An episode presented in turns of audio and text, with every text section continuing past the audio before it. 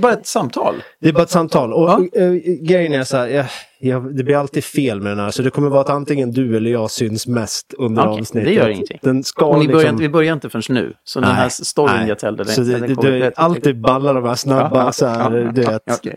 Ja, Alltid f- ditt förberedda material är redan Det finns använt. inget. Ja, det Men finns inget sånt. Nu, nu från noll. Okej. Det vi skulle ha gjort bara... Få, oj, den där Så. Är det bättre? lite, lite högre upp. Så. Du vill ha den liksom typ en knyt, knytnäve från nyllet ungefär. Ja, men den där blir bra. Så. Så, är det bra? så. Ja. Ja. det där ser proffsigt ut. Ja. Jäklar vad proffsigt det ser ut. Tack. Mannen som tog tåget. ja, det är min, min nick. Mannen som tog tåget. ja. Vad, vad, vad anspelar det till? Var, var, varför denna hashtag? Den är lång att skriva ut. Ifall du nu ska ha en hashtag. Men, men, men, men nu har jag märkt att, att i, i järnvägsbranschen och i kollektivtrafikbranschen så, så det började egentligen så här att, att eh, jag jobbar ju rätt mycket med, liksom, jag jobbar med kompetensnätverk, jag jobbar med ledarutveckling, jag jobbar med eh, alltså i, och, i den, och i den branschen så är det så att, att liksom på, Link, det här var rätt på LinkedIn för så här sju, åtta år sedan. Eh, och liksom alla som jobbar med det eh, säger ju ungefär samma saker. Och ska man igenom i det bruset så, så, så blir det väldigt svårt. Men sen är jag intresserad av, är intresserad av eh, transporter, logistik, kollektivtrafik, ledarutveckling, organisationsutveckling, styrning. Eh, och sen så eh, satt jag på eh, MTR Express, hette de då, MTR X heter de nu, eh, mellan eh, Göteborg och Stockholm. Ja. Eh, De hade ganska nyss startat eh, och jag hade, åkte sent från Göteborg på kvällen och så serverade de mat. Eh, kom en person som tyckte jobbet var väldigt kul. Eh, väldigt vänlig, väldigt glad, liksom inte, över, inte forcerad på något sätt. Serverade mat, eh, jag köpte nog direkt kanske en öl till maten eller sådär. Och sen så kommer den här eh, killen tillbaka och så säger han, ja men vad vill du ha nu då? Vill du ha kaffe eller te? Och då säger jag, men klockan är jättemycket så att eh, helst, jag tar gärna te. Men eh, inte English breakfast. För SJ bjuder på English breakfast dygnet runt. Och har ni något annat så vill jag gärna ha det. Eh, ja, SJ då i alla fall ska vi säga för att vara snälla. Alltså smaken på teet Ja, ja, English ja, breakfast. det, det var inte så att de bjöd Nej, nej, på en nej men det var liksom, English men liksom English breakfast okej, tea. ja, ja. Eh, för det brukade stå framme jämt på SJ då. Det var ungefär det enda som fanns. Uh, men så han, vi har allt. Vad vill du ha? Och då säger jag, ja, men vi testar Roybos då. Eh, och så var han borta jättelänge. Och så kommer han tillbaka med en låda under armen och en assiett med kanelbulle på. Ja. Eh, och så säger han, du jag är jätteledsen, den enda sorten som var slut var Roybos. Eh, så jag tog med lådan så får du välja vilken du vill ha. Och sen för att jag lurar dig så, så, så, så värmde jag en kanelbulle också. Jag tänkte att liksom, lite plåster på såren. ja, schysst. Och då blev jag så här, vänta lite, nu har det hänt något. För så här har aldrig någon agerat på tåget förut. Eh, så då säger jag, men du, liksom, vad kommer det sig att du gör så här då? Liksom? Ja, men sen, det var, vi hade fem bullar kvar i kaféet, klockan är snart tio, vi kommer inte sälja några fler bullar, så jag tänkte jag ger dig igen. Och då blir jag så här, men du, eh, bestämmer du det? Ja, så jag skulle göra det annars. Eh, och, och då tänkte jag, nu har det hänt någonting. Eh, så då gjorde jag ett inlägg om det på LinkedIn. Och så då använde jag hashtaggen mannen som tog tåget. Första gången. Och sen så ledde det till att eh, vdn, dåvarande vdn för MTR Express hörde av sig och såg det här inlägget. Jag vill berätta hur vi har tänkt. Ja. Och så berättade han om det. Så, sådär. På den vägen så började jag använda det. Och sen upptäckte jag att i den branschen så fanns det också ett intresse av att följa det där. Så jag började dokumentera liksom, intryck från, eh, från resor snarare. Eh, Så jag har dokumenterat en och annan flygresa. Det blir mest tågresor eller bussresor. Och liksom vad jag har sett, vad jag upplever och sådär. Amen. Ja, det, det där fick mig att tänka på att, vad heter det, The Four Hour Work Week finns det en bok som heter. Nu har jag glömt bort vad författaren heter, det var så länge sedan. Mm. Men eh, i The Four Hour Work Week så pratar de bland annat om hur han på sitt bolag ökade mängden pengar som First Line.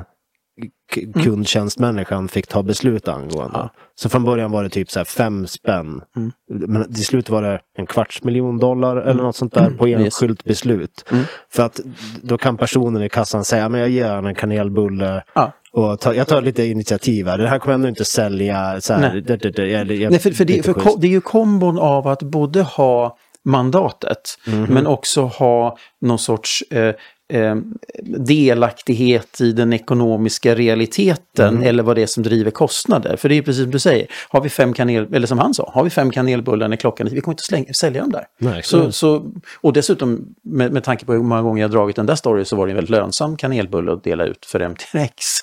Ja. Så att eh, och man tänker, jag tänker liksom att det handlar ju någonstans om att, att förstå eh, vad det är, alltså hur det där hänger ihop. Att, att någonting som är en dålig situation, om jag har möjlighet och mandat att, att mö- vända den så kommer det vara ännu starkare än att bara tala om att jag är bra. Och, och, och det är väl det där som, alltså att våga låta människor få fatta beslut om saker. Eh, Men då måste man ju säkra sig om att de faktiskt får del i att vara med och förstå också vad det är som, som, som driver kostnader, vad som kostar och vad som är sådär möjligt. Så att, Absolut. och jag tror att de organisationer som fixar det, för där, där jag skulle säga att, att, eh, att eh, om SJ var, var jag brukade säga för, för, för fem sex år sedan att jag åkte väldigt ofta MTRX till Göteborg. Ja. Eh, inte för att MTR alltid var allra bäst, därför att SJ var, var bäst när SJ var bäst. Men SJ hade så stor variation så att SJ kunde leverera mellan 2 och 10 medan MTR alltid levererar 8 uppåt.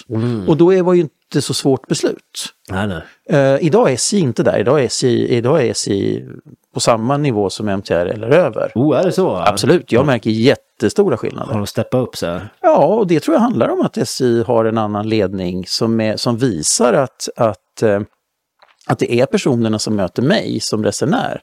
Det är de som kan göra skillnad. Ja, ja. 100%. Jag menar, tågen kommer ju inte alltid vara i tid. Tågen kommer inte alltid vara hela och rena. Men om, någon, om bemötandet väger upp för det så, så kommer ju, så kommer ju min, min upplevelse totalt sett att vara okej och bra. Ja, jag håller på att bolla på någon form av så här. Så här pratar du med en människa, kurser till Ja. företagare, bara i allmänhet. För även ifall du är ingenjör eller uppfinnare eller eh, maskinist så har du ibland kontakt med en kund. Ja, Och då ja, men, kan ja, det men vara- alla har ju det Alla har det sätt. någonstans. Ja. Då kan det vara bra att ha några så här råd för hur man hanterar den situationen. För Ja.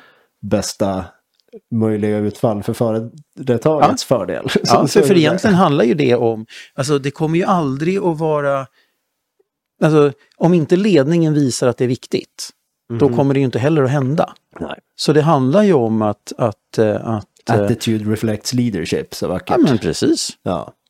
Som du agerar så är ju ditt ledarskap någonstans. Ja, och, eh, och, och det du då visar, det du visar, för, för, för, för, motsatsen, Mm. om du säger att, att kunden är alltid kung, men du agerar aldrig så, Ja, då är det klart att då blir det, då, blir det dubbelt dåligt. För det 100%. upplever jag ju. Jag kommer ju att känna det. Ja, ja.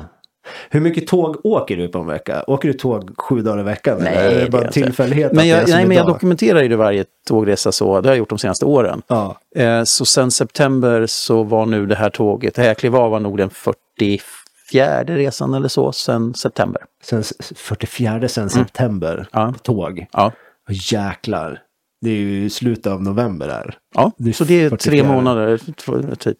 Okej, Okej, men är det, är det så att, så, som jag tolkar när man kollar upp dig lite så här, så tolkar jag en bild där vi har någon som är i sitt i ledande roller i typ fyra olika grejer på en och samma gång här.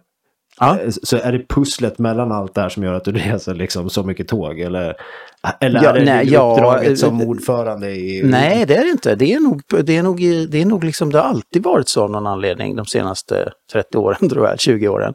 Eh, att det har blivit mycket tåg och mycket resor. Men eh, just nu så har det varit mycket Malmö kopplat till ett av de uppdrag jag har. Då har det varit väldigt mycket Malmö. Ja, okej. Så att eh, det, alltså, det är nog kanske...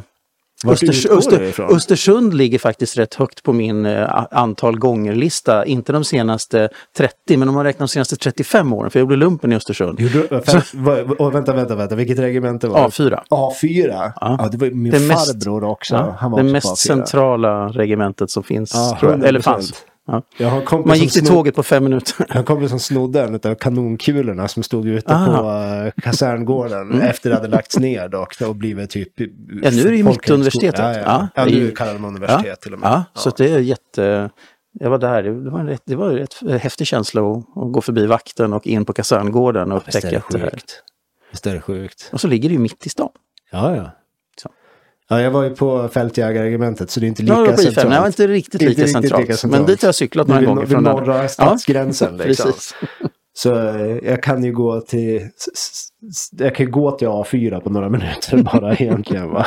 Så, så så hemskt utanför stan är det ju kanske inte heller. Nej, man Men okej, på du gjorde lumpen där. Jag, jag är glad. Det är andra gången du tar upp Östersund. Vi har inte ens hängt en timme än. Det är Nej. andra gången du tar upp eh, S- Sveriges sämsta, bästa stad. Ja, Ja, men jag, jag skulle nog faktiskt, jag hade faktiskt en, en sparringklient i Östersund under pandemin. Så Östersund var den ort, var det första ort jag reste till så fort det här rese eh, rekommendationen hade försvunnit. Det var en väldigt spooky resa att, att åka tåg till Östersund.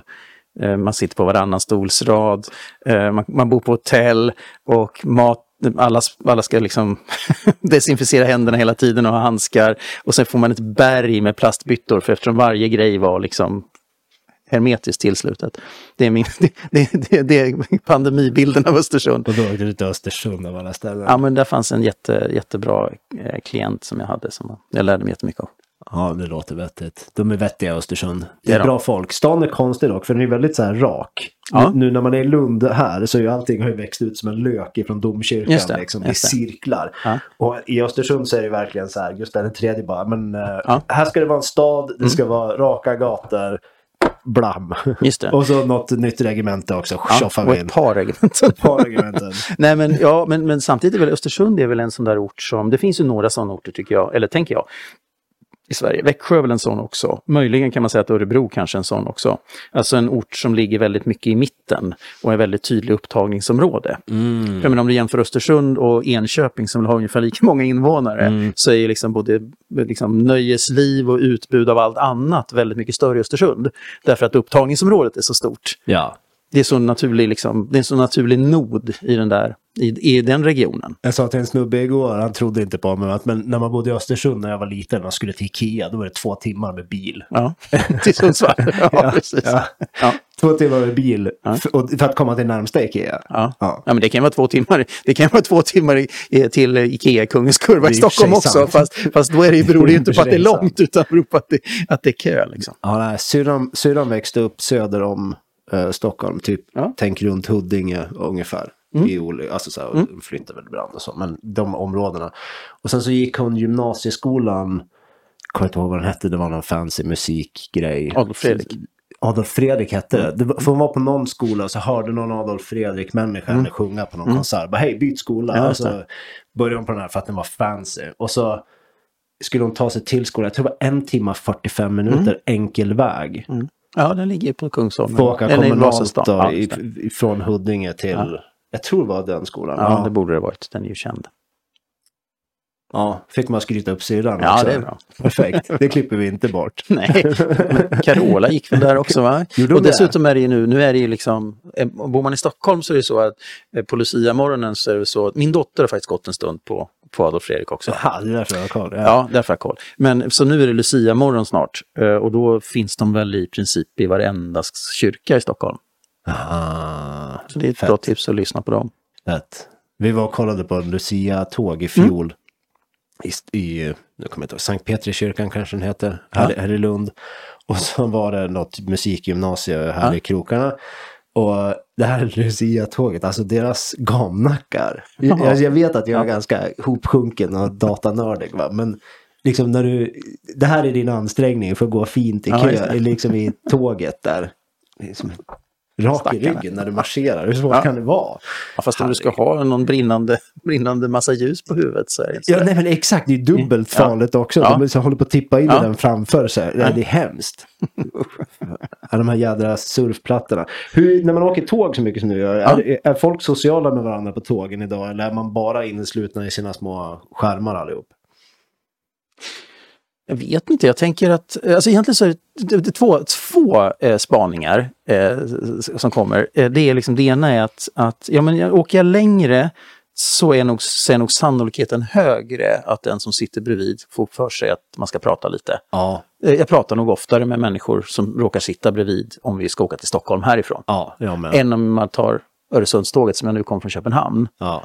Eh, där sitter ju folk mer och pratar i mobilen eller lyssnar eller, eller så. Men jag tycker att eh, en sån, jag vet inte, men jag tycker mig se eller uppleva mer av det att, att väldigt många liksom facetimar med folk eh, och eh, kör högtalare. Det är helt vansinnigt. Jag fattar Ja, inte vad, vad, vad folk beror håller det på att man gör det? Jag fattar inte. Jag, jag håller på att bli tokig på det Ja, där. Jag, jag håller på att bli tokig på det där. Ska jag sitta och lyssna på ditt skit på högtalare? Ja, ska Vad jag vara med håller i ni samtalet? på med? Ja.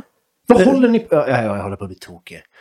Åh, gud. Och- Men det, du, så du upplever också att det där Ja, ökar? ja, ja, För det jag upplever absolut att det ökar. radikalt. Det, alltså, Alltså, det, det, det är ja. helt vansinnigt. Ja, men bra, jag, inte- jag, tänkte att det bara, jag, jag tänkte att det var lokalt för Skåne. Nej, nej, Det nej. här, nej det, det, Håller alla i Sverige på med det här? det vet jag inte, men i alla fall där jag åker. Okej, ja, jo, men skärp Men åker, åker man kort så är det mer sånt.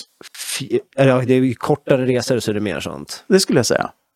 Mm. Och sen tycker jag liksom att, att jag, jag, tycker det har hänt ganska mycket där. Förr kunde man ju liksom, eh, kunde man ju, f- var ju inte helt ovanligt att någon satte sig bak och liksom rapporterade senaste säljmötet. helt öppet. Ja, nej, nej, Så. Och, men det tror jag människor har slutat göra. Jag gör det ibland. Ja, fast då tänker du kanske, då Jag kanske, kanske du liksom till. anonymiserar det. Du säger kanske inte personnamn, du säger inte företagsnamn. Men det gjorde ju folk förr. Liksom. Kan ju tala om vilket företag man hade varit och så i en recension. Det gör inte folk längre på samma sätt. Jag ska säga, nu, nu skjuter jag mig själv i foten eftersom jag säger det här högt och bor i Lund. Men du ska se några av cheferna på universitetet man springer på. Ah, det där med anonymisera, det finns inte. Alltså jag, jag har stått bredvid med flertalet tillfällen där en professor står och pratar med sin doktor eller Ja. doktorand. Ja. Om doktorn eller doktorandens nästa tjänst, hur mycket lön, Ja, oh. semesterdag, alltså du vet så här. Nej, nej, nej. Det, Det där är- du tog upp på det är förra ju big no-no Ja, nej, det, det är helt, det är helt vansinnigt. Men det har hänt alltså med tre olika professorer. Ja, Tre olika. Ja, och jag har inte varit så här, det är inte så att jag har hängt på universitetet. Nej, jag, nej. Nej, Ibland. utan du, du, bara, Jag har noll poäng. Jag har inte Ja. varit där och jobbat. Alltså, jag nej, men du har passerat jag dem. passerat så. i Ja. mingelmöten, Ja, ja, men det- hälsa på någon polare, bli inbjuden på någon vinkväll, någon disputationsfest, någon så enstaka. Men ändå tre gånger med olika professorer har det. Och det är en big no-no, som du Ja, säger. är det ju. alltså, jag, var, jag var med en gång, men det här är ganska länge sedan, så det var nog före GDPR. Eh, jag satt på något café eh, och så kommer det in två personer, så har de en hög med rätt uppenbart CVs eller ansökningshandlingar. Och så, så lägger de upp telefonen och ringer upp en rekryterare. Ja. Och så sitter de och pratar och pratar om de här personerna. Eh, och och liksom helt öppet, jag sitter bredvid så jag hör. Och, och då kunde jag faktiskt inte låta bli, för då sa jag, men ursäkta, nu pratar ni om Anders här. Eh, tänk om jag känner Anders. ja. Det är inte jättebra. Nej. Nej, nej. Så att det där blir som, ja, det, det kanske är någon sån här trend, att man den här, den här eh, personliga sfären inte finns på samma sätt. Kanske. Eller vad det nu är. Jag vet inte vad det är, men, men jag, det, det gläder mig att du också har sett samma sak. Jag tycker folk har blivit sämre på ögonkontakt. Ja, Det, Det kan jag hålla med om. Speciellt yngre människor. Det är vad helt, beror det på tror du? För att de aldrig har ögonkontakt. De så kollar i skärmar hela tiden. Ja. Så de, har aldrig, de tränar aldrig på att kolla någon i ögonen och bara så här, vad, vad är du för något där inne? Eller att möta upp. För ibland kan det ju vara, det kan vara jobbigt att någon kollar en i ögonen också. Alltså, så Ja, här. ja, men absolut. För så det då måste det ju vara lite, du Ja, måste måste- bearbeta en se- del saker. Och, Mm. och när har folk tid med det, så här, att bearbeta känslor idag? ja, ja, ja, ja, nej, känslor i, i perspektivet reflektera. För det kan jag ju tänka. Eh, jag hade ett jättespännande lunchmöte idag med en väldigt klok eh, eh, ledare. Eh, som också är i kollektivtrafikbranschen. Så vi hade rätt mycket att prata om. Men, men, men som det blir så tydligt man, man ser när människor är... Alltså jag skulle våga säga idag att jag, när jag träffar en, en person som har någon sorts ledande befattning, så, så är jag ganska snabbt feeling om det här är en person som är bra. Och med bra menar jag då liksom inte att jag tycker personen är snäll, utan snarast en person som, som verkar, verkar vara en ledare som både själv mår bra, får sin organisation att må bra, har ett rätt sunt synsätt, men sen samtidigt också har en drivkraft att vilja åstadkomma något. För jag menar, det, det handlar inte om att vara snäll, det handlar om att skapa något. Men det handlar om att, att, vara, att skapa relation med människor. Men samtidigt ha en tydlig riktning. Liksom. Och jag, jag, inte, och jag tänker att för att komma dit så krävs det ju någonstans, tror jag, att, att eh, de som jag träffar klickar med och tycker verkar vara bra och jag själv skulle kunna tänka mig att följa och ha som ledare. Eh, de är oftast väldigt skickliga på att reflektera över sin egen, sitt eget beteende och sin egen situation. Det vill säga, hur uppfattas jag? Och, och faktiskt fundera på det. Och då är ju det där med, som du säger, känslor och det handlar om, tänker jag, och också ehm, Alltså det där som hände nu, vad var det som hände egentligen? vad kan jag göra annorlunda med hände det? egentligen? Yes. Var, och varför kände jag sådär starkt? Ja, just det. Vad var det Den- som, och, vad är, alltså, och då är det ju också så här att vad är det som egentligen är det som händer? Mm. Är det, är det det här som, det här, det här att, att Kalle och Lisa blev arga på varandra? Det är ju inte bra. Nej, det är det Men, inte. men, men är det det som egentligen är problemet? Nej, Den här konflikten, är det egentligen det problemet? Eller är det något annat som är problemet? i de flesta fall något annat. Säkert. För de flesta fall Men det så... kräver, ju, det kräver ju att man inte hugger direkt. Och det kräver att man kan göra skillnad på sig själv och något annat. Alltså jag och du. liksom. Ja. Men om jag tror att allting som händer är jag, då blir det en helt annat agerande. Liksom. 100 procent. Man ska dock dra någon gräns för hur mycket man lägger på sig själv i det där arbetet Absolut. också. Den, Nej, men jag menar den inte- mina jag har gått på i karriären att jag, Ja. så här, jag tar på mig all, alltså, för att ledaren är ju ansvarig för gruppen Ja. på något sätt. Ja. Så jag tar på mig då såklart så här, det är mitt ansvar att du inte presterar. Du vet så här. Mm. Och gör du det, det finns fall när du har gjort det, när det kanske inte, du hade inte så mycket att Nej, det var egentligen inte mitt ansvar Nej, att den nej. där personen inte levererade. kanske nej. inte levererade. det, det, det är det jag menar också med, för det handlar ju inte om att du ska göra den personens jobb.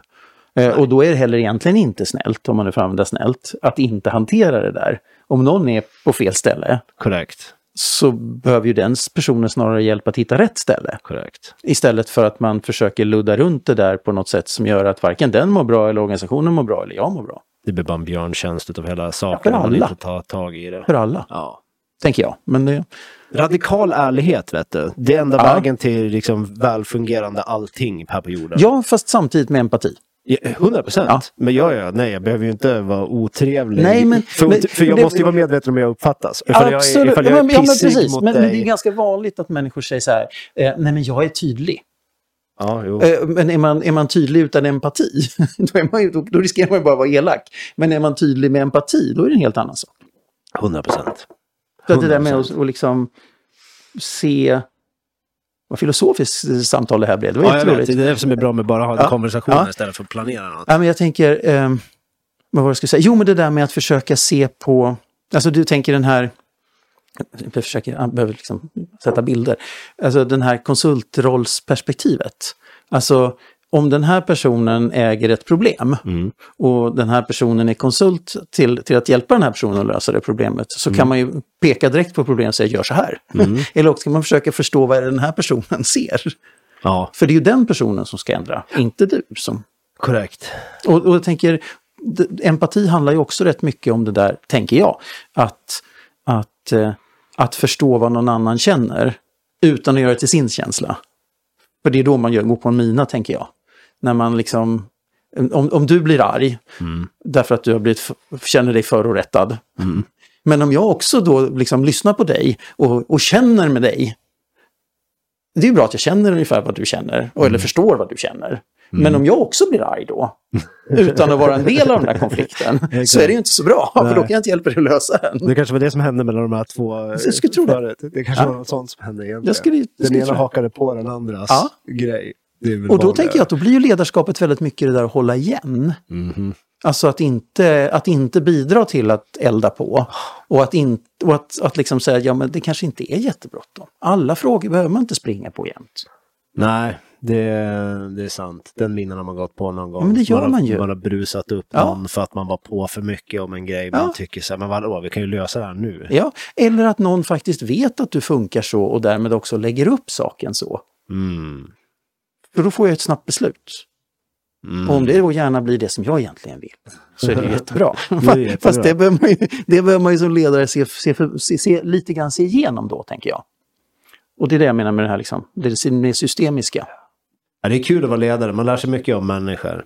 Ja, om sig själv. Ja, om sig själv. Ja, herregud. Ja, Jag var så jag, jag, jag var, apropå, du, du, du tog upp A4 tidigare. Jag gjorde Mm. 15 månader KB-elev. Och min pluton gick väldigt, väldigt, väldigt bra. Och Mm. jag blev kursetta på Marxistskolan kvar på någon sån här Mm. central kurs för alla som gjorde det var på GRK faktiskt, så det var lite artilleri Ja, över det. titta. Det var indirekt Titta. eld i varje fall. Nu var jag- jag såg jag- inte vad jag sköt på, så det hade vi gemensamt. Men jag, jag var kompanisjukvårdare. Ja, okej, så att jag, ja, jag, ja. Så du slapp hela jag, har bara, jag har bara sprungit lite grann med k-pist. Något annat Du fick träna på att sätta tillbaka tarmar efter de trillade Nej, men framförallt sätta såna här eh, venflonnålar och kanyler och sånt. Sånt pysslade vi med. Ah, ni fick träna mycket på det? Mm. Tränade mycket på. Okej, så för någon som ska bli nål ja, beroende så ska jag komma till dig för förråd. Jag förstår. Ja, det är uppfattat. Ja, nej men eh, alltså apropå att vara så här, att man inte vet så mycket om sig själv. Mm. Jag är ju typ så här, där är 0304, jag är född 83. Ja. Så jag fyller 20 och ska fylla 21 när jag muckar liksom. Ja. Och jag är ställföreträdande plutonschef för 40 personer. Ja. Som är typ min ålder. De är ett år Mm. yngre allihop liksom. Men de är vid samma ålder, alltså 19-20 är inte så stor skillnad liksom i Nej. fysik och sådär. Men helt vansinnigt vad man inte var mogen för uppgiften så här, när man tänker på det efterhand. Och vilket, Okej. vilket var mycket bättre jobb man skulle kunna göra idag med de Ja, själv, ja, ja, självinsikter ja, man såklart. har fått om sitt eget ledarskap och hur folk Mm. tar emot saker Ja. man säger och du vet så här. Och när jag var så ung då typ spelade jag ju nästan en roll.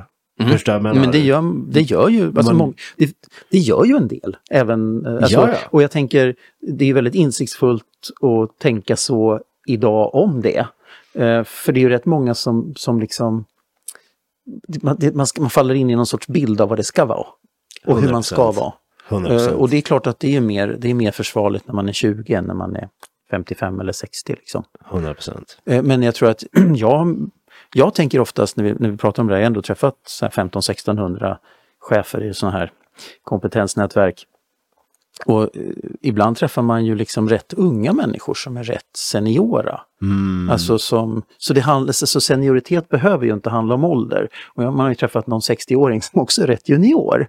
Så att det handlar ju inte, det handlar egentligen inte om ålder utan det handlar väl kanske om vad, vad det man har varit med om gjort med en. Och, och vad, hur, det, hur vad man man påverkar. med om, Ja. gjort med en. Ja, Ja, alltså- exakt. ja. För alla som har gått igenom saker är ju inte starka och Nej. kapabla. Nej, Men utan, vissa nej, som har gått igenom saker och har låtit det gjort rätt saker med dem, Ja. de är starka och kapabla. ja. Och de Och- människorna kan vara, alltså du, jag tänker ofta på, vi hade en snubbe, apropå Ja. lumpen, det var kul Ja. upp men vi hade en snubbe som fick eh, sådär bästa soldat på livkompaniet. Typ utav alla. Ja. Och grejen var att han var från en superrikemansfamilj. Så han hade ju haft liksom silversked i mun och borde ha varit en bortskämd liten Mm. icke-arbets... Han var så disciplinerad och Mm. strategisk och kämpare och krigare och charmig och trevlig. Alltså allting, den kompletta jävla... Alltså så jävla... Mm. Immobile. Ja. Alltså Ja. beundransvärd person verkligen. ja. Nej, och så, så det, Och, ja, ja.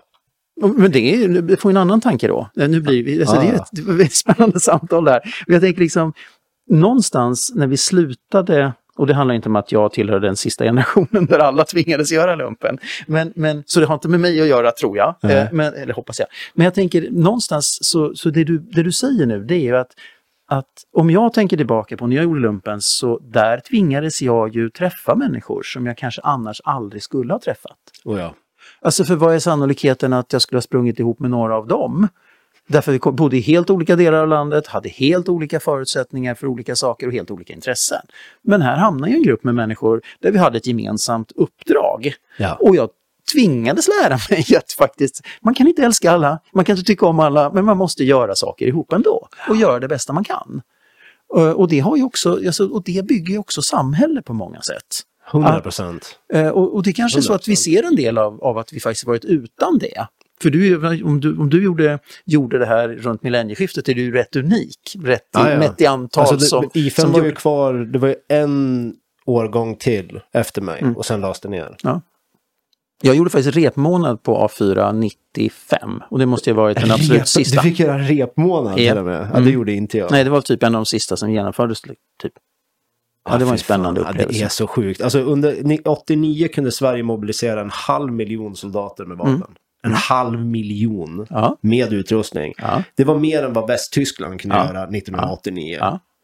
Vill jag bara flika in. Mm. Och när man har så mycket soldater då kan man säga hej, vi vill stå utanför alla försvarsallianser och chilla och vara neutrala. Ja. För att eh, visst, vi kommer förlora ifall ryssen invaderar. För ryssen har en och en halv, två miljoner soldater vid samma tidpunkt.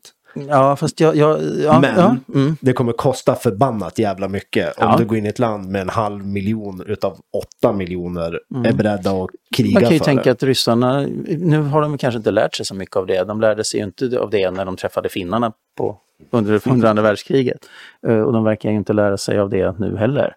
Men, men när man tittar på de där, jag tycker det var ju lite remarkabelt. Det finns ju, eh, det är en annan story, men jag, just nu så, sen något år, några år, eh, det var egentligen gick till så här som, som vårt möte idag också, det är en story faktiskt. Ja. Det, det här mötet som du och jag har idag, vi har ju inte träffats förut. Eh, och eh, jag gjorde ungefär likadant en dag för, vad kan det vara, fem, sex år sedan. Eh, jag var på en konferens i Helsingfors. Och så la jag ut på, då var det på Facebook, så skrev jag att eh, om det mot förmodan finns någon som skulle vilja träffa mig i Helsingfors så har jag tre, fyra timmar fredag eftermiddag då och då. Ja. Eh, och eh, till min jättestora förvåning så, så är det en tidigare kollega som, vi hade inte träffats på flera år då, eh, och det var liksom typ, det var nästan 20 år sedan vi jobbade ihop, som skriver, du jag är i Helsingfors på begravning kvällen innan och tänkte åka hem på morgonen, men jag åker hem på kvällen istället, så bjuder jag dig på lunch på, på Glaspalatset på Mannerheimvägen. Eh, och den här killen, eh, Kurt, eh, eh, som för övrigt eh, fantastisk kommunikatör, men numera pensionär och skriver böcker. Det är också jättespännande. Men, men, ha- men det var ett sidospår. Men, men där, eh, när vi sitter där på Glaspalatset på Mannerheimvägen och dricker Marskens snaps, eh, som ska serveras med ytspänning. Ytspänning. och som också, eh, där också skrönan är, liksom. kan, man, kan man servera marskalken eh, snaps med ytspänning i fält, då är man officersämne. I fält. och, och, och där så fick jag liksom en crash course i finsk historia, för Kurt är, är eh, finlandssvensk. Eh, och en, kur, en kurs i, liksom, i man, om Mannerheim. Och sen dess har jag liksom hem, tittar på Okänd soldat eh, och läser Okänd soldat, läser på lite om Mannerheim. Eh, och, och man förstår ju någonstans att, att liksom, man förstår ju var, var SISU kommer ifrån. Om man tittar på eh, en del av de här slagen under, under vinterkriget så gick det ju liksom, det gick ju 17-18 döda ryska soldater på varje dödad finsk soldat. Ja, Eh, det är ju helt otroliga det är siffror. helt otroliga siffror. Eh, och, och, och någonstans ligger ju någonstans det där, det där liksom kämpar. eh, och, och just det där sättet och, som de hade att, att liksom lyckas, eh, lyckas eh, knäcka koden i hur man ska, hur man ska hugga ved med, med, med, med, med finska armén. Liksom. Ja, de är jävligt, det är en jävligt häftig historia. Jag kommer ihåg, apropå det här med GRK och indirekt eld jag, nu kommer jag inte ihåg siffran, men det var någon så här absurt många haubits, b- b- haubitspjäser och GRK-pjäser första eldledaren på finska sidan fick eldtillstånd med. När de får syn på ryssarna på väg in. Och de bara, hej jag ser dem nu. Då fick han eldtillstånd med typ så här 128 bataljoner utav haubitsar och 64 GRK-kompanier eller bat- plutoner, jag minns inte. Men strunt sak samma, det var något helt absurt mycket indirekt eld. Ja. Och så gjorde de ju också någon sån här grej att du fick inte röka på nätterna. Nej. Så, men så att ifall vi såg en glöd ute i skogen, då sköt vi granater på det. För där står en ryss och röker. Och rast betydde att man börjar gräva sitt värn Ja. istället för att promenera. Ja. För då kanske du hinner ner fem centimeter innan det och det kan smäller. räcka. Och det kan räcka. Och speciellt på sådana här, ja, på granatkastare Mm. och haubitsar och sånt där som, är, som baseras så. Kommer du ner fem centimeter tror jag ökar sannolikheten att överleva med 75 procent eller något i den stilen. På fem centimeter längre ner i marken. Ja, ja men det, För att så mycket splitter och verkan går ovanför liksom absoluta ja, mark. Mm, ja. häftigt. Ja, det, var, ja, det var tider det. Lumpen. Det var, det var grejer. Och nu ska, vi, nu ska vi förbättra tågrälsen ifall vi ska gå med i NATO hörde jag något på radion om. Stämmer det? ja. Eh, någonstans... Är vi för eh, dåliga på att transportera grejer på rälsen nu för tiden? Eller? Nej, men om man är, om man är ett, ett godståg i, i, eh, i eh, Nordamerika går väl ungefär tre gånger så långt och är väl ungefär åtminstone dubbelt så långt och dubbelt så tungt som ett godståg i, i Västeuropa. Gå tre gånger så långa sträckor Ja. och, ha, och dubbelt så mycket last. Ja. Och tid, De är lite längre då och lite kostnad, tyngre. tidsåtgång, Jag skulle säga att- samma lika. Nej, jag tror att kostnaden per, kostnaden per tonkilometer, transporterad tonkilometer blir, blir lägre då. i USA. Mm. För att den kan gå... Ah, Men det handlar väl mer om att vi, vi är ju små länder. ja. Eh, det är ju en sak att köra transkontinentalt i USA. Eh, tar du den sträckan här så hamnar du väl rätt långt ner i södra Europa. Ja. Men, men, men just det där att, att eh, vi är fragmentiserade och, eh, och eh, eh, inte så harmoniserade mellan, jag menar ska du härifrån till, ska du köra tåg härifrån ner till, till, till Tyskland så är det väl tre olika strömsystem och åtminstone två olika säkerhetssystem och fyra olika ban, banhållare som du ska passera. Liksom. Mm.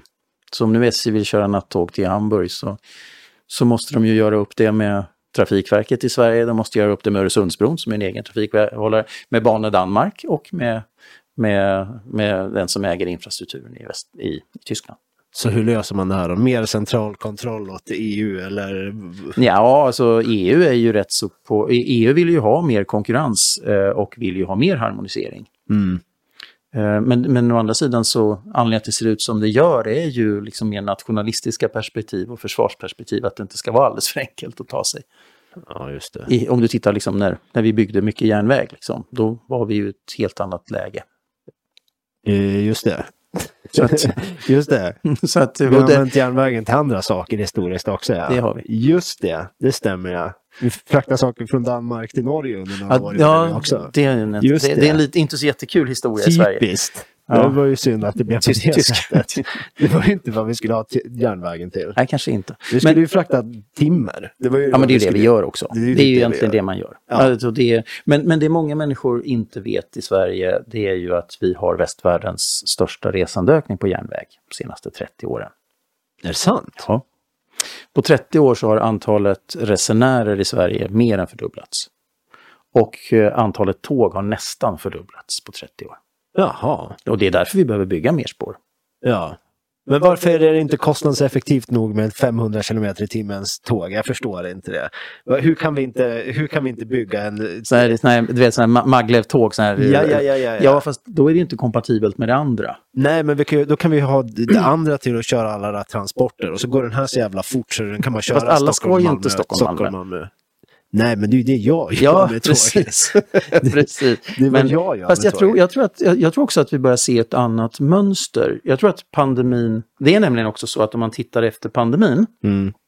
så, så, är, så har vi börjat eh, favorisera att åka tåg.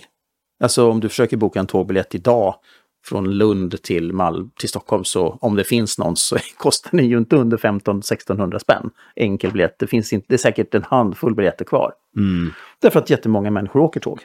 Mm. Eh, Så tågresandet är ju tillbaka långt över 2019 års nivå. Alltså säkert en 120 procent av 2019. Alltså en Jaha. ganska kraftig ökning jämfört med 2019. Så man är tillbaka liksom i, i, i att följa utvecklingskurvan igen.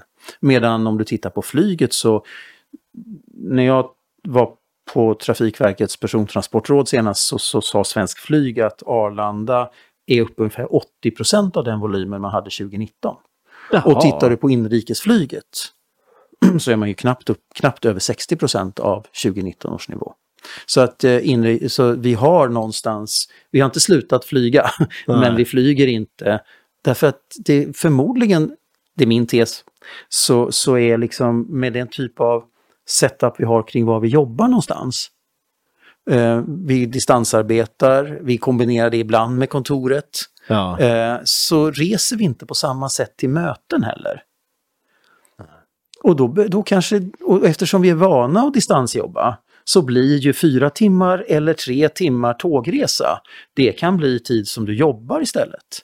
Medan en flygresa innebär kanske, ja den kanske totalt sett tar, tar, tar kortare tid, men den är upphackad i tre, fyra olika moment. Mm. Eh, Och då blir inte det lika... Därför, därför totalresan blir inte lika viktig, för du reser kanske inte lika ofta på det sättet. Nej. Och det som ökar är ju privatresandet. Vi reser ju privat nu mest. Istället för Vi tjänstereser inte jättemycket. Nej. Men tjänsteresandet på tåg har ju inte minskat lika mycket som på flyget. Ja, och då har ju säkert en del människor flyttat från flyg till tåg. Så att, Ja. att, men, men tjänsteresandet ser ju annorlunda ut. Det Man ser mycket av det i min, eh, mina, bland mina gamla kollegor, Mm. säljarna. Det är inte lika många hotellnätter nu Nej. som det var för fyra år sedan. Jag ska hämta lite vatten. Ja. Det var lite slumpartat. För att, anledningen till att jag hittade dig, Ja. det var... Jag sökte på en annan Jonas på LinkedIn. Jaha. Jag sökte efter en annan Jonas och så var det, för jag träffade, jag var på, vad heter det, någon så här Johan Westermingel uppe i stan. Ja. Och så träffade jag en Jonas där som Okej. hade eh, massa kunder åt min andra Ja. kontakt som jag också träffat via, Okej. via Johan Wester. Så te, och jag har länge velat hittat någon affär åt den här Ja. kontakten då som Ja, så. Och så den här Jonas hävdar att ja, men jag har massa kontakter. Och så håller jag på att söka. Och så, så kom jag in på din LinkedIn och så såg jag så alla de här ja, men, resebilderna. Ja, ja, och typ ja. så här spaningarna. Jag bara, fan, vem, vem har tid att sitta och ha spaningar om liksom, du vet, så här, Okej. tågresor? Den här snubben måste jag prata med. Så på den vägen är det. Så det var ju så Okej, himla roligt kul. att du bara så här, ja men eh, jag, jag, nästa fredag, jag åker Mm. igenom, ska, okej, ja, men kom hit då. Kom hit då. Ja, så är det. Ja, så, och, så, och sen jag är också bestämd mig för att jag inte skulle, så jag, jag bara, jag, du skickade ju lite länkar och sådär så jag har tittat lite. Men jag lät oförberedd på vad vi skulle göra idag. Men det är jättespännande. Bara konversation. Jag, Ja. tror att, jag tror att människor behöver det. Ja, jag, det tror jag också. Jag, jag tror att människor inte får det idag. Nej. Jag tror inte Vad folk... beror det på då? För att vi har atomiserat samhället till en punkt där alla sitter själv. Folk är ju helt uppsplittade. Vi känner inte våra grannar längre. Alltså, vi- är ju helt i våra egna små bubblor där bara jag finns hela tiden. Så vi har atomiserat samhället åt helvetet. Det är hemskt. Vi, Nej, sitter, det- vi, vi, vi, har, vi är liksom mer sammankopplade idag än någonsin. Men eh, vi sitter på våra skärmar för att vara sammankopplade. Det är hemskt. Och så, och så får man ju det som man då redan egentligen har sökt på. Vi får skräpmatsvarianter utav sociala interaktioner. Det är vad Ja, vi det är får. sant. Är sant. Vi får skräpmatsvarianten. Vi Ja. tror att det är på riktigt för att det är en bild på en tjej Mm. och vi har båda swipat åt samma håll och nu ska vi träffas. Ja, du tänker så. Mm. Eller jag tror att jag är med i ditt gäng för att jag betalar för att hänga med dig på Twitch. Eller Ah, jag det. följer dig Just det. på Instagram och köper dina varor för att vara som dig så vi är samma. Det. Allting har blivit liksom skräpmatsvarianten utav det. Mm. Det är hemskt. Och den som klarar att göra det där menar, den som då sen klarar att göra det där eh, väldigt professionellt kan profitera på det där menar du? Det, ja, det- är väl uppenbart att de Ja. kan det. Men Ja. jag klarar inte av det. Jag klarar inte ens av att kolla på sociala medier. Jag tycker om att ha- podd och snacka med, ha konversationer med främlingar. Ja, ja det, Och vad roligt folk jag känner. Men ser du att det är en Ja, jag såg bananfluga? det. Alltså, Jag såg jag håller på att bli tokig alltså. Det, här- ville man ha det städat när det kommer en gäst. Va? Vad får man för det? Ja, men jag, jag tycker det så bra. Ja, du tycker det ser bra ut. Ja. Ja. men det är ju kul det. Vi ska göra om hela studion och renovera. Vi ska sätta upp lite ljudisolering. Och... Okej, det tycker jag Men jag, jag har bestämt Ja, mig för att inte spendera en krona som inte kommer in. Nej, smart. Så att Mm. allting, är, allting du ser är liksom kvarglömda grejer på kontoret och gåvor. Ja, Eh, allting, bordet, Ja. alltså allting. Ja. Så det är Ja. liksom... eh, Ja. Det, det är därför det är lite... ja. Vi gör det utefter det vi har liksom att jobba med. Men ja, nej, så är det. Annars är det ett sälj och marknadsföringskontor det här. ja coolt. Och så ja, har det gått bättre än förväntat nu på slutet. så vi har liksom... Vi har lite för mycket jobb helt plötsligt. Men, Ja, men det är väl ett, alltså med tanke på hur världen ser ut så är väl det ett angenämt Ja, problem. det är ett angenämt problem. Med tanke på hur senaste året har sett ut. Ja. liksom sådär. Det är tufft att starta, det var tufft att starta företag på Ja, men det sluttampen av pandemin och in Ja. i ekonomiska... Jag tänker liksom, Ja. jag tänker att, att här, om pandemin så tänker jag att, jag tror att vi har lärt oss att jobba lite annorlunda.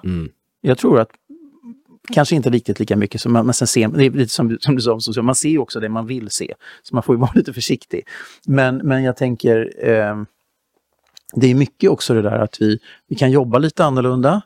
Eh, det är skillnad om man, man liksom reser sig från kontoret klockan 16.30 och ska ta sig hem. Mhm. Eller om man stänger, stänger locket 16.30 och är hemma. Ja, det. det ger ju liksom en annan... eh, Man kan istället för att bara gå och hämta kaffe ska man också sätta på tvättmaskinen eller diskmaskinen. Eller så.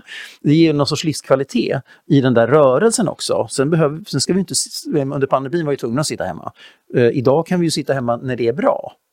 Och vi kan vara på jobbet när det är bra. Ja. Och då måste man ju, vi kopplar prata ledarskap, ja då måste man också som, som chef eller ledare eller företagare eller organisation också vara klar över när man...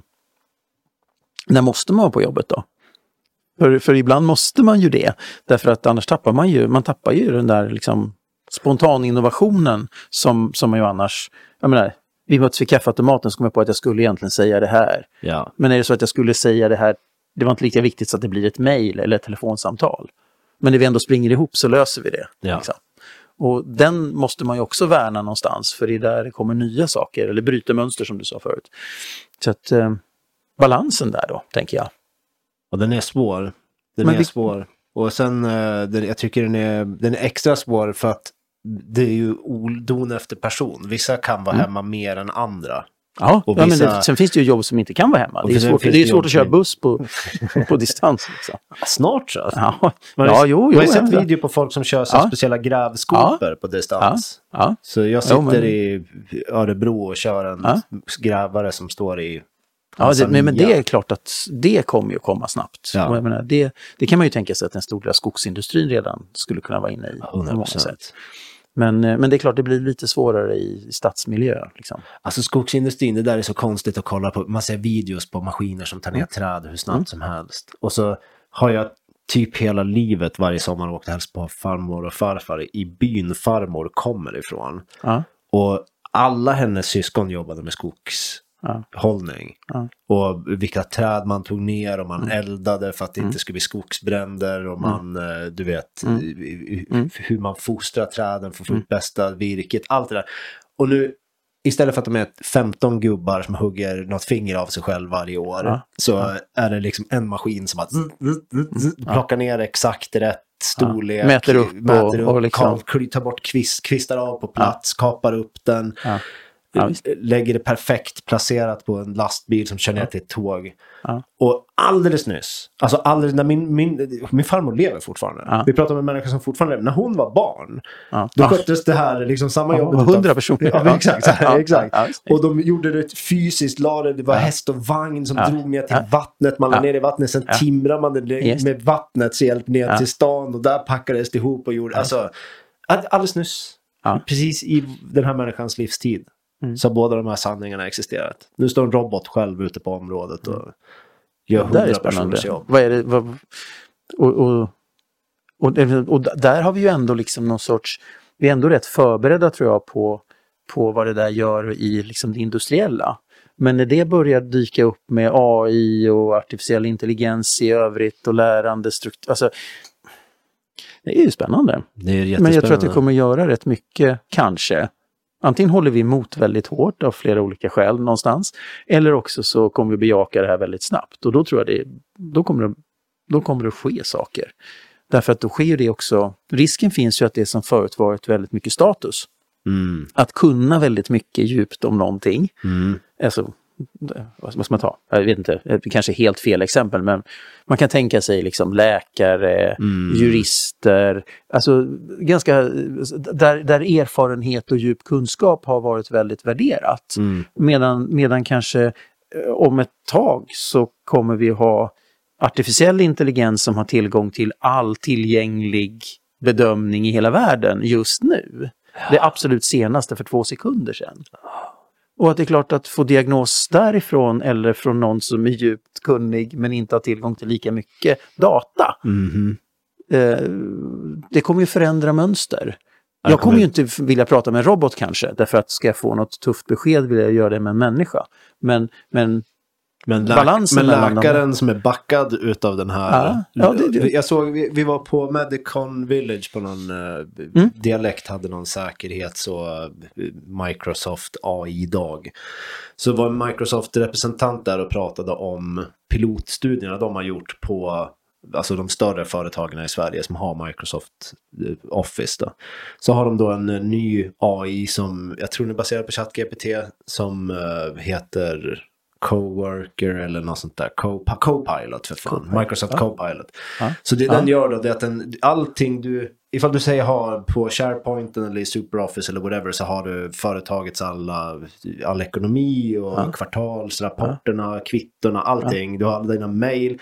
Och all din interna data kan då den här Copilot träna sig på. Ja, och sen okej. kan du som vd då så här, nu ska jag förbereda för kvartalsmötet och snitttiden för förberedande för mötena är fem timmar och jag vet hur mycket det suger för nu ska jag dra ut. Nej, nej, nej, nu drar- använder du Copilot. Så då säger du åt Copilot, hej, ge mig min... Och de hade i snitt sänkt C-suite-mötens förberedelsetid från i snitt fem timmar till 30 minuter. Ja. Så alla VDR, CTO, CMO, Ja, CFO, alla ja. de, när de ska gå på ett möte så är det fem timmars förberedelsetid för det ska klippas och fixas och göra en Excel och jag ska göra en presentation. Nej, nej, nej, nej. nej. 30 minuter nu. För du kan bara... Och så en annan sak som är intressant relaterat till det vi pratar om lite grann nu. Är jättespännande. De som presterade bäst i Copilot, det var de som var högre upp i organisationen. Hypotesen är att de är mer vana att kommunicera i delegerande sätt.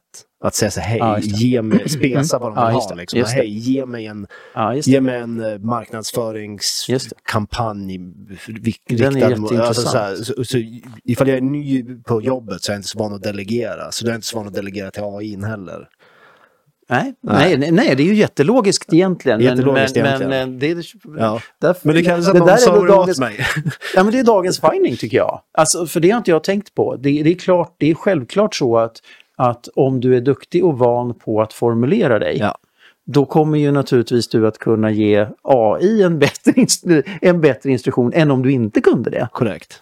Eh, För, för då är vi ju tillbaka, ja, det- ja det är ju samma, du, du behöver samma ski, ledarskills till AI som till andra människor skulle man Det klassificera är kanske med. så de avgör vilka som får leva och inte. Några kan de se som ledare. Ja, att ja, eller också, eller också blir de farliga för AI. Ja, i så då, så då de, De här jävlarna kan Ja, se det. åt mig att göra ja, saker. ja, de tar ju bort.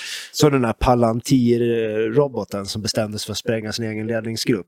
Nej. Det var en sån här militär AI de höll på att testa. Så Mm. eh, kommer AI fram till att hej, det är ju en jädra ledningsgrupp här borta som säger åt mig att stoppa mina bästa idéer. Bara för att vi har fredliga soldater i området och andra dumheter. Så jag vet, jag spränger ledningsgruppen Ah. först för då slipper jag det problemet. Så kan jag bara skjuta som jag vill ute på slagfältet sen.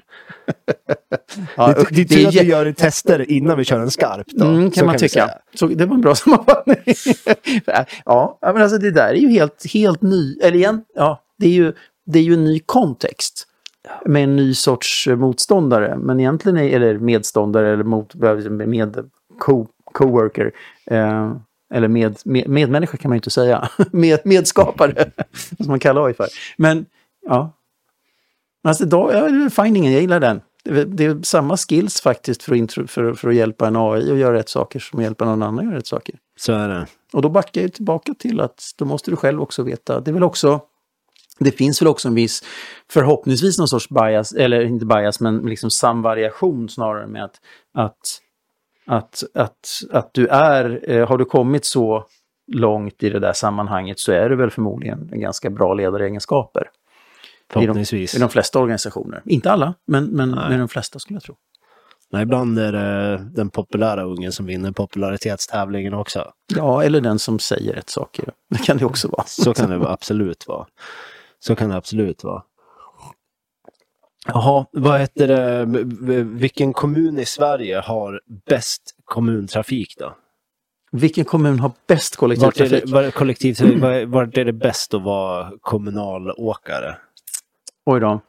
Eh, resenärerna tillsammans med Gröna Mobilister ska faktiskt utse årets eh, kollektivtrafikmyndighet här snart. Eh, och jag har svaret, men det får jag inte säga nu. Aha, okej. men, men, så, det är inte, det är så nu mitt personliga svar. Eh, jag tycker jättemycket om Skånetrafiken. Du gillar Skånetrafiken? Jag gillar Skånetrafiken. Eh, och det beror på att eh, det är lätt att ha, och det, det är lätt som, som företrädare för resenärerna att ha, att, att ha kontakt med Skånetrafiken Aha. på ledningsnivå. Eh, så att jag jag tycker om Skånetrafiken. Och sen så har Skånetrafiken, dels har det liksom, du har, du har väldigt bra du har ett väldigt bra regionaltågsystem i, i Skåne. Två stycken, Öresundståg och Pågatåg. Mm. Med samma regelverk, fast med olika, med, med olika uppgifter. Mm. Eh, och sen så har du en ganska rejält tydlig busstrafik. Eller eh, övrig trafik. De gröna bussarna och spårvagnen är ju, alltså Lundaexpressen, Malmöexpressen och Helsingborgsexpressen är väldigt bra exempel på, på, på en, en kundorienterad lösning. Eh, Malmöexpressen skulle jag säga är Europas bästa buss, busslinjesystem. Oj, starka ord. Ja, det är starka ord, men det är det. Är det. Om Malmöexpressen. Malmöexpressen, ja. Jaha. Linje 5-8 Malmö. Eh, tänk spårvagn, fast kör buss. Ja, jo, jo, jag vet hur den funkar. Den är Ja. ju genialisk Ja. faktiskt. Men det är Det separata... fort, men det, det, det är en separata busslinje där många hoppar på utan att blippa biljetten också. Ja, men det veta. kan vara en annan femma. Då får Ja. man lösa det på något annat sätt. men men, eh, men eh, snitthastigheten för dem är väl ungefär den dubbla mot de motsvarigheterna i Stockholm. Ja, du. Ja, det är som vanligt vet du. Man får ut mer per timme utav en skåning än utav en stockholmare. Ja, eller för att man kan samarbeta mellan Malmö stad med Skånetrafiken och eh, Nobina som ju kör bussarna. Då. Och kan man samarbeta, då kan man ju åstadkomma saker. 100 procent. Ja, det var intressant, du sa det innan podden, men att så här i, vad sa du, Trondheim, Östersund, att på norska sidan så har... Ja, vi, tog, vi pratade med, med exemplen när man, när man upphandlar och så. Jag, Ja. jag tycker i och för sig upphandlingar är bra, mångfald är bra och spännande. Men det blir, blir extra, extra spännande. I kollektivtrafiken är det så att, att det finns ganska få privata företag. Ja. Eh, De flesta som, som opererar kollektivtrafik är statliga. Ja. Eh, Men oftast inte svenska staten, för svenska staten har inget bussbolag. Men svenska staten har ju tågbolag, SJ AB. Eh, och eh, det blir, blir, blir mest påtagligt när man åker från Östersund till Trondheim. Därför att eh, om man åker från den svenska sidan så finns det en huvudman för, tåg, för regionala tågtrafiken i norra Sverige som heter Norrtåg. Ja. Som ägs av de regionala kollektivtrafikmyndigheterna i Jämtland, Västernorrland, Västerbotten och Norrbotten. Ja. Eh, Så Norrtåg AB har upphandlat tågtrafiken och eh, operatör för, för Norrtågs tågtrafik det är norska statens tågbolag som heter Vy. Eh, Och sen så är det så att norska järnbanedirektoratet som är liksom paraplymyndigheten i Norge för tågtrafiken, de har upphandlat tågtrafiken i, i Norge. Eh, Och i den, den paket som är norra Norge Underlag och så Eh, vidare. Nej, den är liksom, det är faktiskt fjärrtågstrafiken från Oslo eh, via Röros till, eh, till Trondheim och via eh, Dovre, eh, Alltså, Lillehammer. deras norrländska börjar redan i Oslo. Ja, men, ja, men, men okej. så, så det, är, det är några få tåg som går ända till Ja. Oslo. Men sen är det all trafik runt Trondheim och ända upp till Bodö. Men när de upphandlar den så har de tilldelat det till svenska statens tågbolag SJ, som har en dotter i. Norge. Så åker du tåg då från, från eh, Östersund så byter du tåg i Storlien och då åker du med norska statens tågbolag fram till norska gränsen och sen i Sverige åker, eller i Norge åker med den svenska, statens, tågbolag. tåg. Det är så jäkla roligt alltså. Men det är, men det är ju så, alltså åker du, men, vi har åkt buss i Lund idag ju. Ja. Och det är franska. Keolis som kör bussarna här. Fransmän kör bussar här. Ja, det är franska statsjärnvägen som äger Keolis. Aha. Och, Och, Pågatågen körs av den finska statsjärnvägen. stämmer det att hälften av dem har fått sina körkort i Polen? Nej, det tror jag inte. Trodde det? Du tror Däremot tror jag bussarna är byggda i Polen, även om det är tyska bussar. det är tyska bussar byggda i Polen, körs av fransmän Ja. på uppdrag utav Skåne. Skånetrafiken Mm. i, ja, okej. Så att man, men det blir också lite, så här, det blir ju lite olika styrkeförhållanden kan man tänka. Alltså, Skånetrafiken är ju en ganska stor huvudman, men jämfört med franska statsjärnvägen är ju Skånetrafiken rätt, rätt, blygsam. Åh, herregud. Ja, jag, jag, gillar, eh, jag gillar kollektivtrafiken här nere. Det Jag låter tyck- bra. Jag tycker den funkar bra. Lund är ju finast utav allt. För här kan man ju fortfarande hoppa på bussarna där bak. För folk blippar. Får man det? Ja. Ja, folk blippar fortfarande sina... Ja, det är bra. De slutar inte med det under pandemin när folk betalar för sig ändå. Och så får man fortsätta gå på bak efter Ja, man pandemin. får gå på bak, hoppa på bak, göra som man vill. Det är elbussar allting, har Mm. jag förstått. Yes, det är ju... det är det nästan överallt. I nästan alla städer i Sverige. Alla upphandlingar nu är elbussar på gång. Liksom. Så det är, vi har ingen val, det är bara el som gäller. Ja, alltså kollektivtrafiken har ju Jag varit i vill att det ska framkant lukta bensin och diesel runt mina Ja, kollektivfordon. ah, jag tror inte, jag, alltså det har det ju inte gjort, om du, om, du, om du går till Stockholm så har det ju inte gjort det på 30 år, för där, är ju liksom, där började man ju med etanolbussar för 30 år sedan. Så att eh, kollektivtrafiken har ju varit fossilfri ganska länge. Jag minns när jag var liten så i Östersund så hade vi bussarna på, eller biljetterna på bussarna Mm. var, hade någon liksom liten magnetremsa, någon, så här, de var lite high tech. Så man Ja, liksom okej. så här dra, ja. i någon maskin och så åkte de ner och upp. Och så när man var i Stockholm och hälsade på så Ja, var det den här stämpeln och de här små gamla gröna. Man fick typ 14 stycken, man fattade inte vad stämplarna var för någonting. Jag skulle byta någonstans. Men alltså det är det som är, det, är- alltså, det, är- men det börjar bli likadant när det gäller såna här parkeringsappar. Men, men eh, så, så bilister råkar väl också ut för det nu, eller jag som bilist gör ju det. Men eh, för att klara sig och åka kollektivt överallt i Sverige så behöver du ungefär 30 appar. 30! Ja, därför att varje, Ja, ja, ja. varje regional... Alltså det är så att det är ju rätt fascinerande att vi, vi pratade om Mannerheim förut. Och så här. Men Ja. jag menar, om vi tittar på hur liksom, svensk kollektivtrafik, den är fortfarande organiserad efter de gränser som Axel Oxenstierna drog upp där på 1600-talet. ja. liksom, oj, nu passerar vi liksom här, här norr om, söder om Knivsta så, så går den här gränsen som Oxen, Axel Oxenstierna drog upp då. Och då plötsligt så slutar ju ett barn vara barn och en pensionär är inte längre en pensionär och plötsligt så måste du ha ett annat, annat sätt att betala. Och, ja, det är en jäkla, jäkla soppa alltså. så att, och jag menar, ska du ha ett digitalt möte med någon, vem som helst i hela världen så räcker det med tre appar. Liksom. All, alla, någon av de tre funkar ju för alla. Liksom. Ja. Men ska du åka kollektivt, vet, vet, vet, du hur många, vet du hur många definitioner det finns av pensionär i svensk kollektivtrafik? Berätta, hur många Ja, definitioner gissa. av pensionär finns Gissa. det? Det finns åtminstone så 30 olika appar, så det finns det åtminstone, vi drar till med ungefär hälften, så vi säger 17 då. Nej, 80. 80! Ja, Vänta, du sa att det fanns 30 appar. ja. Men, det, men sen så, sen så är det Hur så många att... kommuner är det? 200? 311. 311. Någonstans runt 300 kommuner. Och det är grejen, det är, som här i Skåne så är det olika, det finns liksom olika tillägg där. Så att i vissa kommuner så får pensionärer åka gratis. Vilket känns rimligt. Ja, fast det är olika åldersgränser i olika kommuner. Ja, ja, okej. Så att det är en gräns i Vellinge och en annan gräns i Eslöv. Liksom. Okej. Ja, såklart. Mm. Och sen finns det ju, mest absurt blir det där om du, och mest absurt är förutom det där med eh, Oslo-Trondheim, om du åker tåg från Stockholm till Uppsala. Och där finns det tre tågsystem.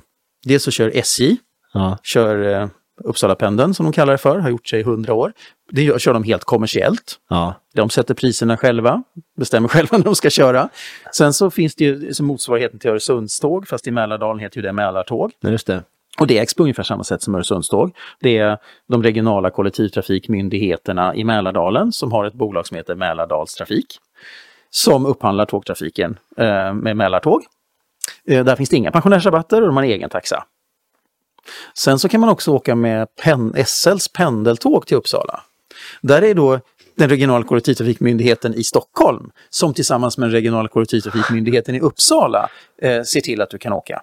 Och då gäller ju Stockholms regler fram till, till länsgränsen och så gäller Upplands regler från länsgränsen. Åh, vilken soppa. Brukar lite skämtsamt säga att på helgerna får du ta med dig sex barn till Uppsala men bara två därifrån. Man känner bara ångesten för att man tappar Ja, men bort tänk dig- bagage på den här Nej, men, sträckan. ja, ja, och dessutom är det jättekul för att två av de här tågsystemen körs av samma operatör.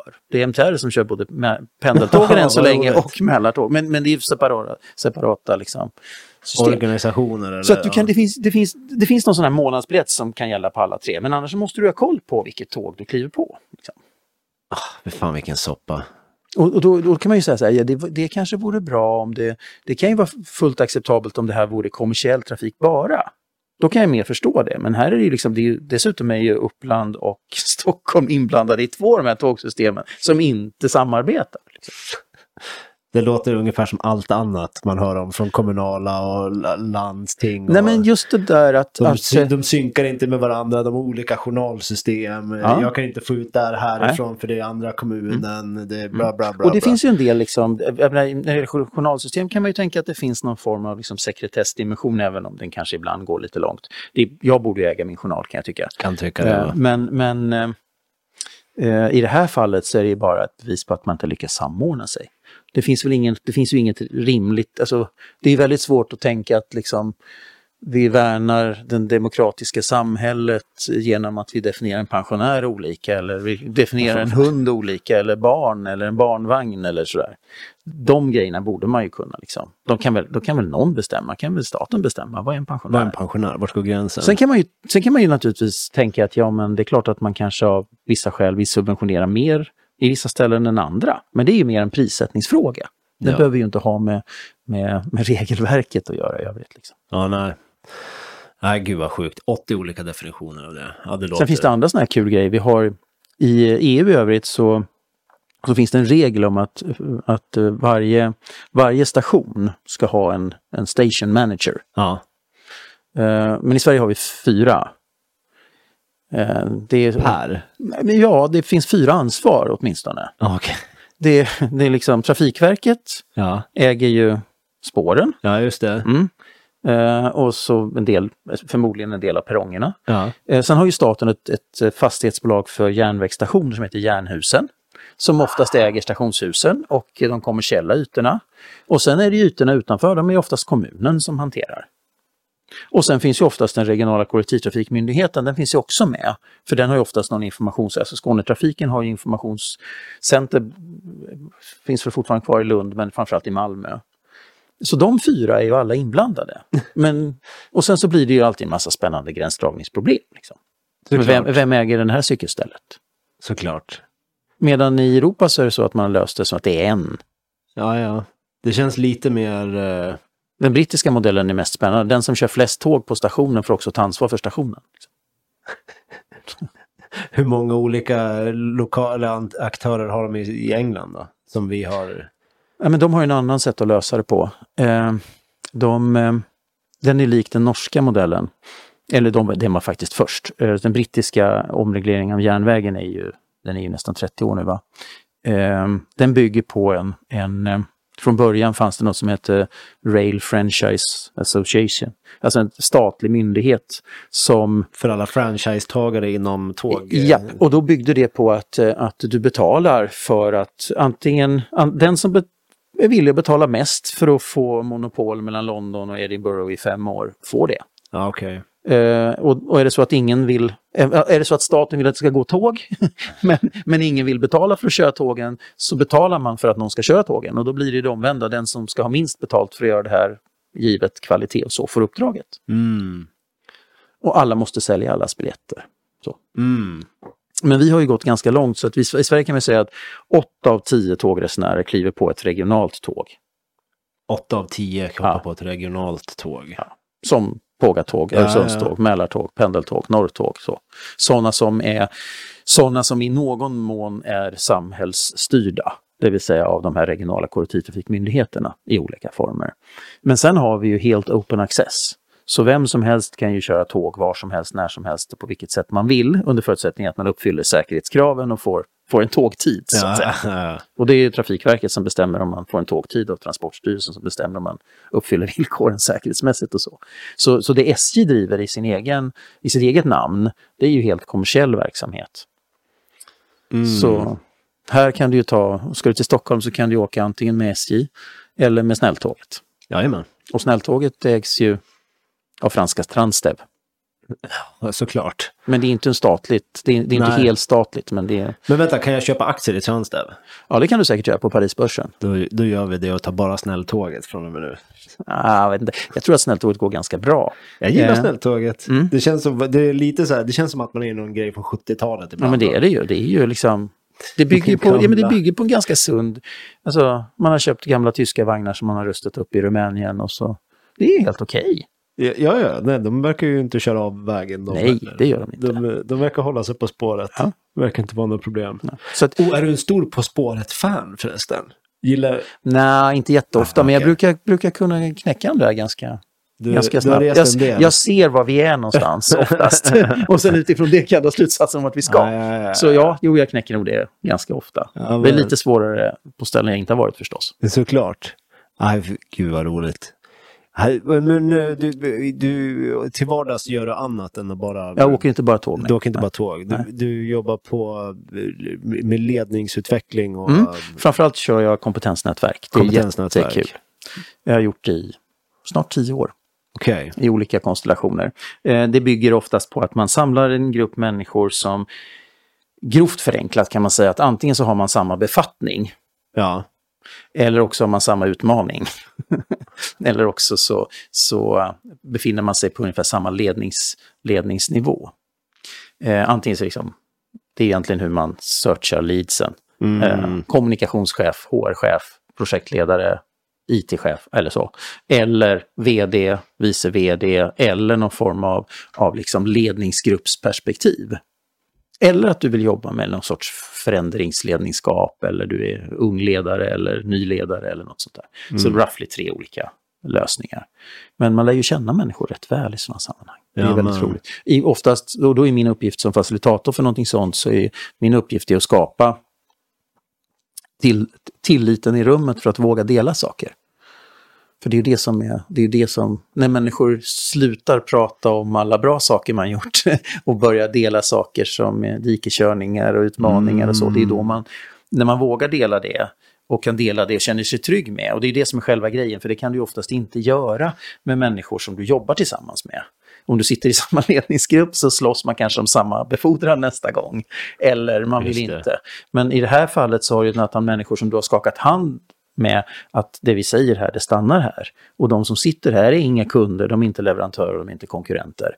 Så att du kan dela saker och människor kan liksom ge dig feedback och bidra till din utveckling men har ingen nytta av det för egen vinnings skull, utan för egen utvecklings skull. Och det är det där som är så himla coolt, för då börjar ju människor dela saker som... Och det är ofta så, alltså det är ofta så att det där som är det är oftast det som upplevs lite banalt när man sitter så här och pratar, som är de stora sakerna.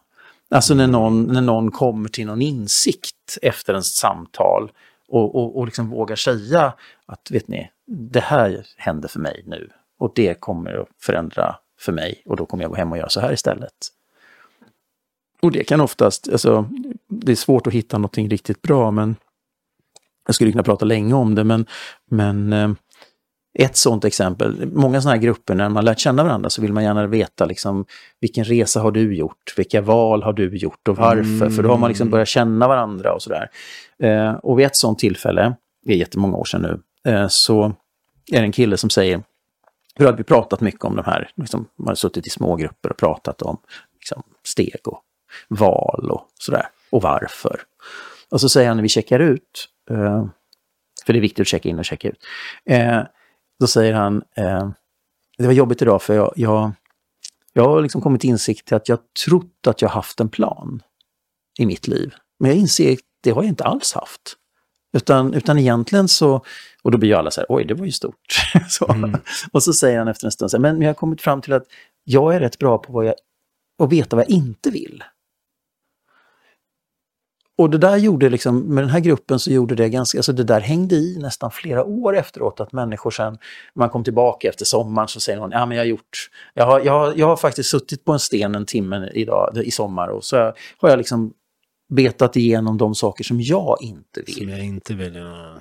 För hans förklaring, om, äh, hans beskrivning av det där var att, att ni vet, när man, när man bestämt sig för att man letar efter något, då blir man ganska tunnelseende. Alltså om jag nu säger att jag ska ha jag ska ha det jobbet, eller jag ska ha den bilen, eller jag ska ha det. Eh, medan han säger att om jag istället är klar på vad jag inte vill så kan jag ju vara nyfiken på allt som kommer i min väg. Och så kan jag titta på det. Förutom det jag inte vill. Ja, och så, och så vet se, se, ser jag då att det här, är, ja, men det här är inte vad jag vill, ja, men då låter jag den fågeln flyga och så tittar jag på nästa fågel. Ah, ja, ja, ja. Så det är, liksom, det, det är ju samma, det leder ju något, men, men det blir ju liksom ett perspektiv där man istället funderar på, på de där sakerna som, som, vad är det jag inte mår bra av? Eller vad är det för sammanhang jag inte vill vara i? Mm. Vilken sorts chef vill jag inte ha? eller vilket för, företag vill jag inte jobba eller organisation, eller vad det nu är. Liksom. Ha. Ja, nej, det ligger nog mycket i det. Fan, kolla på det du inte vill istället. För Mm. lås dig inte för mycket på en. Nej, för risken är att du missar något som, missar som skulle något. kunna vara spännande. Och det, det tycker jag oftast jag kommer tillbaka till, att väldigt många säger att nej, men, men det var ett väst slump att jag hamnat här. Och sen råkar det hända och då, och då hamnar jag där. Ja. Men det är ju min karriär på något sätt. Min Ja, karriär är men jag tror inte att det är någon Nej, slump. det är inte Det är inte en slump. Nej, för Men- nu så här i efterhand så alla saker har ju kom, alla saker jag behövt för att göra det jag gör nu kom ju till mig utav i princip saker som i stunden kändes som slump. Men i efterhand Ja. så kan ju min hjärna rationalisera det och bara, Ja, "Åh, och se att det, det finns ett anledning." mönster i det där. Ja, exakt. Det hände av en anledning. Det, vi är intressanta varelser, Homo sapiens. Vi ska sätta allt i system. Jag tänkte på alla de här tågschemana och grejerna. Tågscheman. Ja. Tågscheman, busscheman, Om jag läser tidtabeller menar Nej, du? nej, nej. Jag bara Nej. tänkte på det så här allmänhet. Jag såg någon grej för ett tag sedan där de sa att jag tror de utvecklat två systemmatematiker utav den nivå som krävs. Alltså per år i Sverige utbildar vi två systemmatematiker som är skarpa nog att liksom sätta scheman på alla de här kollektivresorna. Ja. Det är inte, Det det är inte helt lätt att bara göra. Alltså Nej, men så det är här, ju- Få olika linjer att synka och så skulle du gärna få till punkter där folk kan Ja. byta ifrån vanliga så här, ja, man åkte norra Ja, men- linjen, ja, nu, nu ska jag österut för jag ska hem och det är vanligt så då ska Ja. det finnas något Nej, men synkar. jag tycker det, det, det är roligt, det är jättekul att träffa chefer och ledare och vd och så i kollektivtrafikbranschen. Men det är också fantastiskt roligt att träffa planerarna, de som ju är liksom Mm. hjältarna och hjärnorna. Ja. För utan dem skulle det ju inte funka. Liksom. Det är de som, det är de som bygger systemet, eller blodomloppet, eller vad man nu vill kalla det för. Liksom. Och, det, och också det där med att, att, att kunna väga av mellan olika intressen, för det är alltid olika intressen. Eh, varför finns den här busslinjen? Ja, kommer du ut på landsbygden tillräckligt långt så finns den nästan oftast bara för att ta gymnasieeleverna hem till eller från gymnasieskolan. Men så ser det ju inte ut inne i Lund. Nej, nej, verkligen Men, inte. men, Det är en jäkla skillnad på Östersund och Lund också kan jag ja, säga. jo, men Östersund åker man ju in till på morgonen och så åker man ut från Östersund Ja, på eftermiddagen. Korrekt. liksom- och bor man lite utanför stan i Lungvik och vill in till stan och det är sådär, då kommer bussen varannan timme ifall det är söndag. Ja. Och den går bara mellan 10 och 16, 18 kanske. Ja. För det är söndag. Mm. Och så får du bara foga dig. Det är Jo. men det, det handlar ju om... Men där kan det ju hända väldigt mycket mer nu med... Och det är ganska framgångsrikt faktiskt. De, det finns många av de här um, myndigheter som testar nya saker. Framförallt Värmland har mycket sån här uh, på små orter. I och för sig då mindre än Östersund. Men, men som Säffle och Sunne och sådär. Mm. Alltså att man har, man har eh, anropsstyrd trafik. Det vill säga det är en liten buss, men den går inte om inte någon, inte någon har, har liksom talat om att den vill åka. Aha, okej. Och där har man ganska rejält stora resandeökningar. Eh, med fler som åker. Fler som åker nu Ja. när de får anmäla Ja. och vet att det faktiskt kommer en buss. Ja, och, så, och dessutom så blir det ju mycket mer kostnadseffektivt för det är inte en stor buss som åker runt enligt en tidtabell och ingen sitter på den bussen utan Nej, den åker ju det. när någon vill åka då. Just det. Och det är ju ett sätt att lösa kollektivtrafik. Det kan ju, man kan ju tänka sig autonoma bussar här, så, sm- små autonoma bussar så småningom och så. Men, men, men att knyta ihop det där är själva grejen. Hur långt bort är det innan eh, Uber har satt på en antenn på alla Tesla-bilar och så kör de omkring själv och hämtar upp folk och släpper av dem och vi inte har någon nytta för... Men för tio år sedan så sa vi att det skulle komma ganska snart. Ja, Eh, Men det gör det ju inte. nej.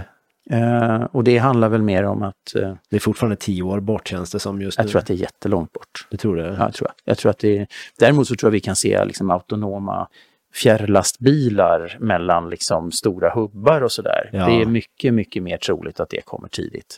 Ja. Eh, och så får vi kanske autonom, alltså, autonoma tunnelbanesystem. Är bara till Köpenhamn så är, så är, ju, är det ju förarlösa tunnelbanor. Är det så? Ja, det har det varit hela tiden. Ja, det har inte jag någon aning om. Nej. Så att, så att liksom det, det, så kommer nästa, nästa linje i Stockholm också vara. Eh, Så det går väl ganska fort, för det är ju liksom isolerade system. Det är isolerade system. Mm. Eh, Men att, att liksom, Bilar i trafiken ska... bilar i tätortstrafik, ja. Jag tror att det är ganska långt bort faktiskt. Däremot så finns det ju annat du kan göra. Du kan ju liksom GPS, eh, du kan ju, du kan ju med GPS och annat eh, strypa bilarnas möjlighet att köra för fort eller så. Mm. Där träffade jag för, för flera år sedan, så i Göteborg så hade man ett eh, försökssystem med, man började med elbussar och GPS-navigering. Fast de kördes ju av förare. Men, men där så, så, så spärrade man dem ju för vissa geografier, hur fort man kan köra. Aha. Så när du kommer till Avenyn så spelar det liksom ingen roll. Du kan trycka, kan trycka plattan i botten. Bussen kommer i alla fall inte gå fortare än 30. Men Det är som de här drönarna som nu för tiden Ja. är liksom spärrade från att Ja. flyga på vissa ställen. för att ja, de, ja. Och det är också det här attentatet, eh, attentatet med den här lastbilen i Stockholm ger ju också sån här geofencing. Att man vissa gator kan numera kan se till att den här bilen kan inte komma in på gatan. Just det. Just det. Det är, alltid någon, det är alltid någon idiot som ska förstöra för Ja, alla. men, men den... Ja, det är trist tyvärr så. alltså. Det är alltid något pucko som kör in gaffeln i eluttaget och så Ja. nu måste det vara Ja. skyddat så Ja, inte nästa unge just det. gör något Man får inte värma sig i mikrovågsugnen. Nej. Nej, eller hur? Eller hur? Hur, eh, vad heter, jag tänker... Ja, vi behöver nog titta på klockan. Titta på Ja, klockan. ja, Hur hittar man eh, tag på dig på internet då? Mannen som tog Man som tåget. tåget, kör på den hashtaggen. Eh, Hashtaggen På, mannen som tog tåget. jajamän. Ja. Eh, och, framförallt på LinkedIn är ju vanligast för mig. Men jag finns i så, andra sociala medier också, men de, de, de försöker jag, jag försöker ha, en, ha liksom en liten policy där. Där är liksom Facebook och sånt där är väldigt litet för mig. Mm, samma. Eh, medan LinkedIn är väldigt stort. Samma. Jag har märkt att, nu, det här ska man ju inte säga högt så Nej. folk får idéer, men jag har märkt att på LinkedIn, där svarar ju ta mig tusan vilken kändis som helst. Mm. Alltså jag har pratat med, jag, jag har chattat med, alltså folk på Ja. LinkedIn. Ja. Alltså folk, Ja. verkligen så här. Ja. Ja, men det förstår jag. Ja.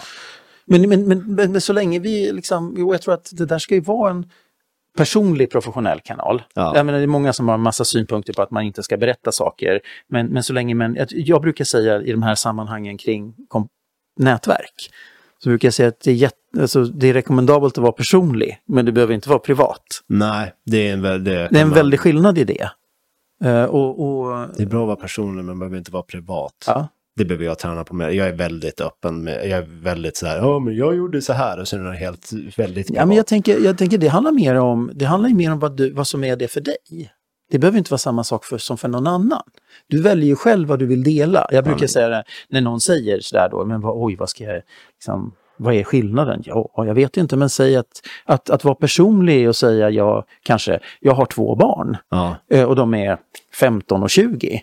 Eh, Men att vara privat kanske att tala om vad de heter och vilken skola de går i och, och vad de har för utmaningar. ja. Det kanske var för mycket privat. Men, men du bestämmer ju själv. Liksom. Och jag tror att det, det är det som är grejen. Just det. Just det.